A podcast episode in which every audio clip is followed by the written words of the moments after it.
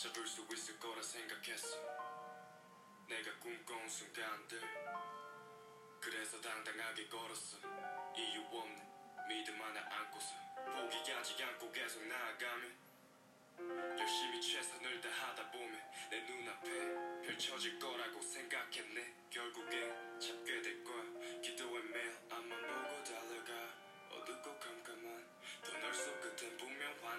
있을 거야. 희망에 잠겨서 한없이 달리고 달렸어. 그리고 환한 빛이 보고 싶었어. 정말 조금만 더 가면 될 것 같은데. 손 뻗으면 닿을 거리 같은데.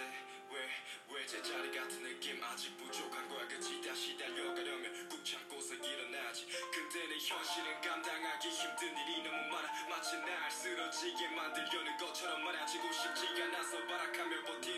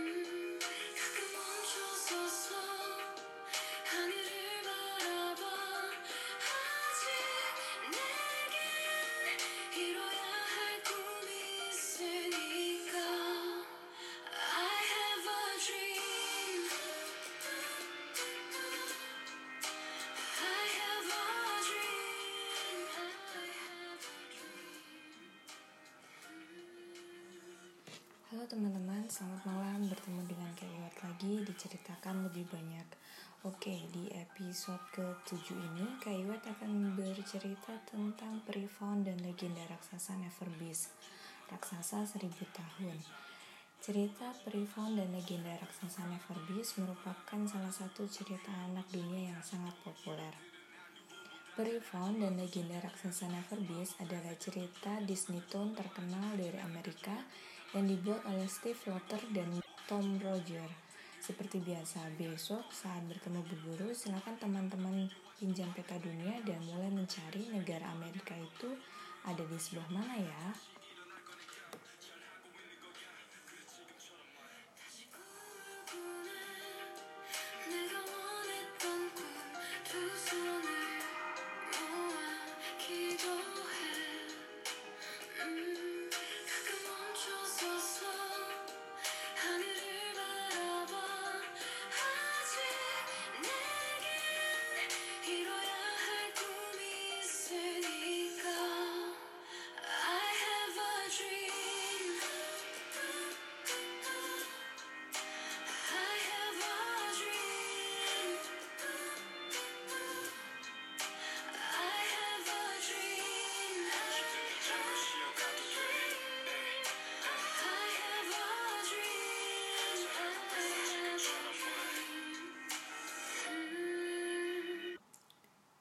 Faun adalah peri yang bertugas sebagai peri penyayang hewan.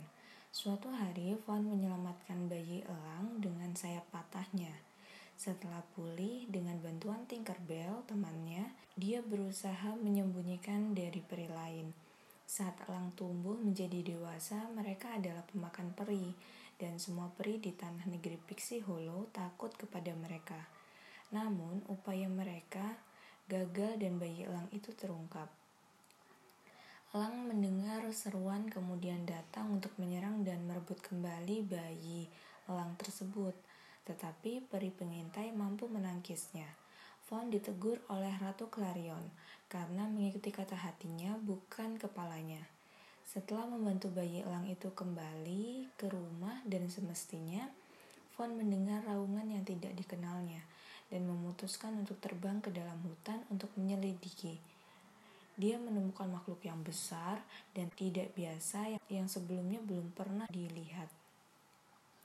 Terbaring di gua di bawah tanah. Ia terluka karena duri yang tertancap di cakarnya dan Fawn mencoba menariknya. Tapi dia meniup peri kecil itu keluar dari sarangnya dan mendengus kuat di udara. Saat Fawn terjatuh dari udara, peri pengintai dengar raungan. Fawn pingsan saat dia jatuh dan kemudian bangun. Dia bertekad untuk mengeluarkan duri itu dan berhasil. Kemudian ketika binatang itu keluar dari sarangnya, dia mengatur sesuatu dengan bebatuan. Von menyadari bahwa binatang itu tidak ganas. Dia hanya berjalan seiring dengan kebutuhannya, memindahkan batu kecil dan batu besar ke dalam formasi tumpukan. Von tetap mengamati perilaku itu, dan dia menduga bahwa perilaku ini berbeda dengan banyak hewan yang dia temui, seperti kaki yang tebal untuk menggali dan rahang yang lebar dan kuat untuk membawa bebatuan.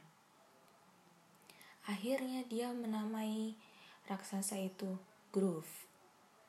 Dia membantu Groove saat dia membangun empat menara batu raksasa yang identik, satu persatu di setiap musim Pixie Hollow.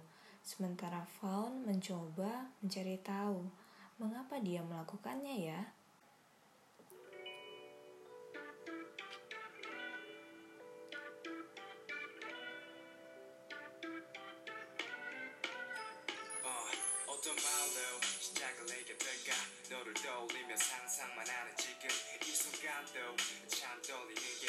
이 생각만 하면 머릿속이 정리가 안돼널 처음 봤을 때부터였던 것 같아. 널 따라 밖에 나갔었던 그날 밤에 내 마음에 불을 지핀 건 내가 아닌 너였잖아. 날 따뜻하게 만든 여름 같은 여자였어. 널 처음 봤을 때내 느낌 뭔가 아파서 심장이 쿵당한 듯이 첫눈에 반한 게 이런 건지 이게 뭔지 싶어서 한 번도 없었으니 이런 적이 이런 거 말로 하는 게 유치한 거 아닌데 그게 솔직한 내 맘인 걸 어떡해. 어쨌든 준비돼서 난 이제 하고 싶어 애매한 썸남 썸녀 말고 선남 선녀. 밤하늘 아득하게 저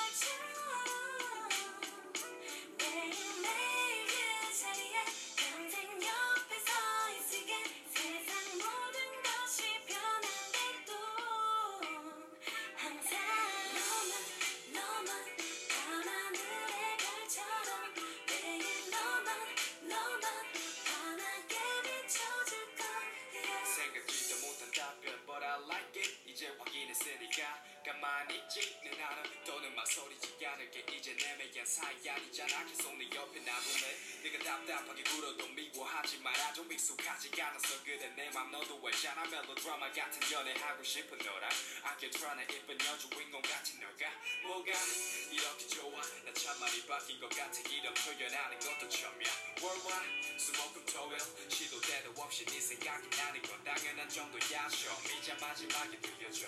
이런 설렘을 너한테만 느끼고 싶어. 나만 바라봐줘. 이런 내 모습 나도 어색해. 근데 널 보면 어쩔 수가 없어. 아득하게 저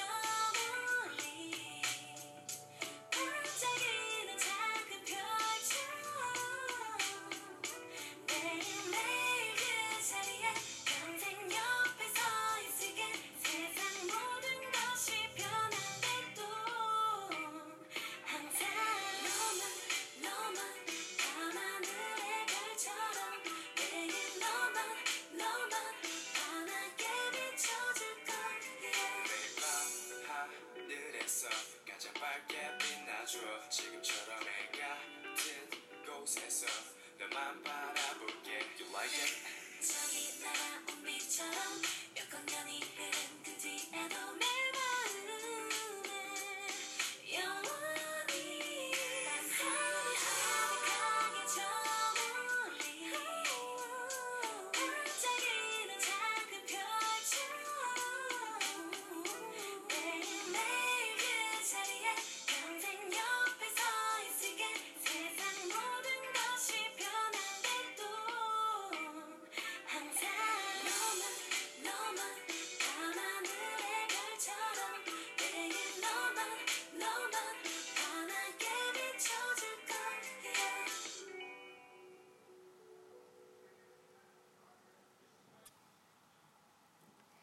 Sementara itu, Pixie Hollow, peri pengintai ambisius bernama Nix, peri tentara keamanan Pixie Hollow, juga mendengar suara gemuruh dan memutuskan untuk menyelidiki, meneliti di perpustakaan, menggunakan beberapa potongan informasi yang dikumpulkan di beberapa halaman terobek dari buku hewan yang dirahasiakan. Dia menemukan bahwa Groove adalah makhluk yang terbangun sekitar sekali dalam seribu tahun. Ketika dia akan berubah menjadi binatang buas yang lebih ganas dan bisa menghancurkan Pixie Hollow dengan misterius. Rangkaian peristiwa itu berujung pada badai petir maut. Fawn mengungkapkan Groove kepada teman-teman perinya, Tinkerbell, Silvermist, Vidya, Rosetta, dan Iridesa, dan menjelaskan bahwa dia tidak agresif, tetapi ramah. Dia ingin menunjukkan kepada ratu dan menunjukkan bahwa dia bukan monster pemakan peri. Rencananya salah ketika dia mendekati Ratu Clarion karena Nyx mendapatkan yang pertama dan sudah menyajikan legenda Never Beast. Von memutuskan untuk tidak memberitahu tentang Groove. Dia khawatir dengan legenda itu benar tetapi yakin bahwa itu semua hanya kesalahpahaman besar. Ratu Clarion mendesak Faun dan Nyx untuk bekerja sama dan melakukan hal yang benar terkait perlindungan Pixie Hollow. Setiap peri menganggap perintah ini memiliki arti yang berbeda. Faun harus segera untuk memindahkan Groove sehingga dia akan aman dari Nyx yang bertekad untuk menangkapnya dan mencegah badai petir yang akan datang.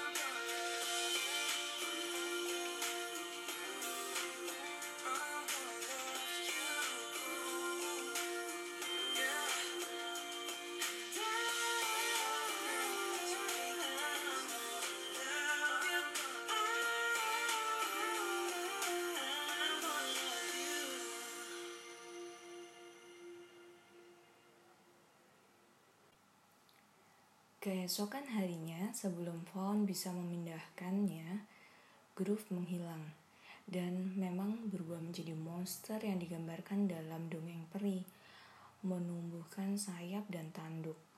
Fawn dan Tinkerbell berangkat untuk menemukannya sebelum Nix melakukannya. Tinkerbell menemukan Groove. Dia lebih dulu, tetapi dia sepertinya tidak mengenalinya. Dia berbalik dan secara tidak sengaja mengibaskan ekornya ke Tinkerbell begitu keras hingga dia pingsan saat menabrak salju. Fawn menemukan Tinkerbell dan sangat sedih mengetahui bahwa Nix benar tentang Groove, binatang yang berbahaya. Fawn menarik perhatian Groove dan untuk ditangkap oleh Nix dan pasukan tentara peri lainnya dan berhasil. Groove diikat dan dibawa di penjara. Fawn menangis. Tinkerbell bangun dan menjelaskan bahwa jika Groove tidak mendorongnya, Groove menyelamatkan aku dan aku hampir tertimpa pohon tumbang. Fawn, bantulah Groove untuk keluar. Fawn menyadari bahwa dia salah paham dan mereka berangkat untuk membebaskan Groove dengan beberapa teman peri mereka lainnya.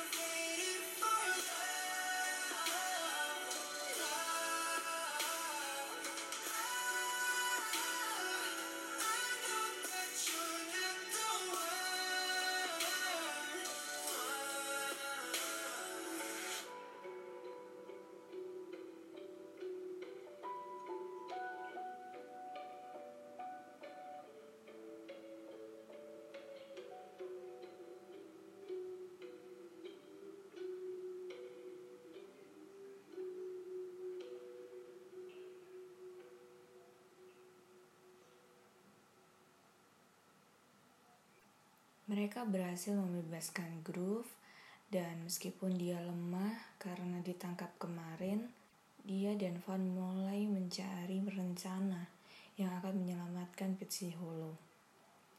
Menara batu yang dibangun oleh Groove telah mengumpulkan petir dan dia terbang melalui masing-masing menara.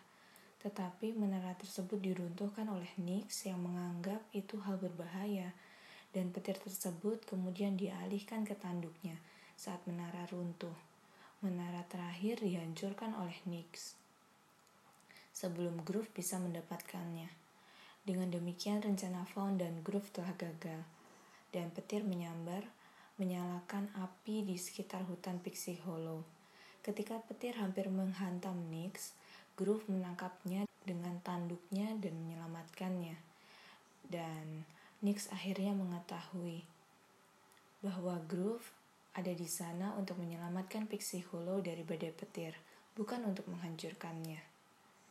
Tidak ada waktu untuk membangun kembali menara. Jadi Vaughn punya ide. Dia memimpin Groove tinggi ke langit tempat dia menyerap semua sambaran petir. Kemudian dia terbang langsung ke mata badai. Dan dengan ledakan besar, boom! Badai itu berakhir. Groove jatuh ke tanah, di mana peri menangkapnya dengan debu peri sebelum dia mendarat, melembutkannya agar dia tidak jatuh kesakitan. Sayap Groove terbakar dan tanduknya yang dulunya panjang sekarang menjadi patah kecil. Yang terburuk dari semuanya, Fawn telah terbunuh karena petir. Raksasa Neverbeast berduka atas Fawn, tapi saat dia menghampiri dan menyentuh tubuh Fawn, kilat muncul melalui dirinya dan disentuhkannya kepada Fawn. Dengan aliran petir ke dalam tubuh Fawn, tiba-tiba Fawn kembali bergerak dan bernafas. Fawn kembali hidup. Keadaan kembali membaik. Selama beberapa hari ke depan, Groove membantu di sekitar Pixie Hollow dengan memindahkan benda-benda besar. Dia mulai merasa lelah karena sudah waktunya dia kembali berhibernasi. Para peri dengan sedih mengirimnya ke gua dengan upacara yang lembut dan penuh hormat. Mereka ingin membuat tidur seribu tahunnya nyaman. Maka guanya telah diberi bantal yang terbuat dari kapas dan kasur yang terbuat dari jemari untuk dia tidur, serta genangan air dari mata air yang memancarkan cahaya lembut seringan lampu malam. Para peri mengucapkan selamat tinggal dan membiarkan Groove tertidur selama 937 tahun lagi. Legendanya diceritakan kembali oleh Faun sebagai penjaga dan pelindung Pixie Hollow. Wah,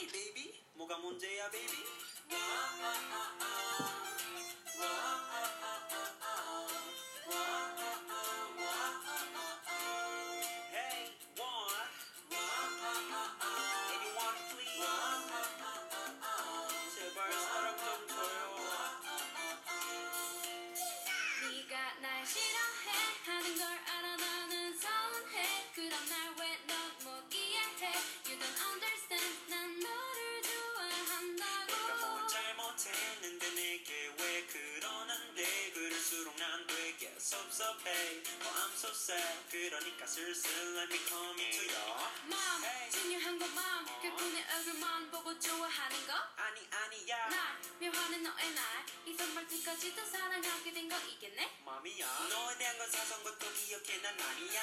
아무리 나 삐그러도 넌 내게 순간 다 많아야. 심정 많아야. 주인공은 맨날 맨날 이렇게 밤마다 기도해. up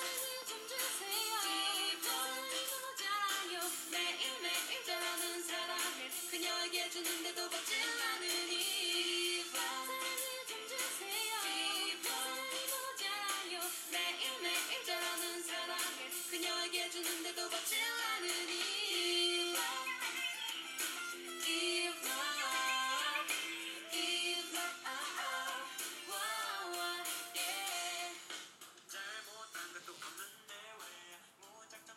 Tadi itu adalah cerita tentang peri Faun dan legenda raksasa Neverbeast, raksasa seribu tahun.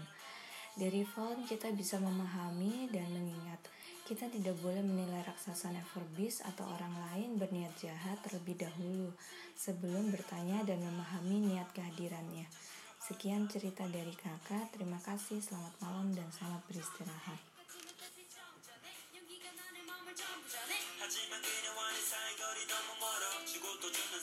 사랑이 길바닥에 다 버려. 전화겹처럼 쌓이네. 봄이 되면 흙으로 남아 혹시 기대해 쌓기 돼요 사랑을 좀 주세요. 사랑이 모자라요. 매일매일 자라는 사랑을 그녀에게 주는데도 받질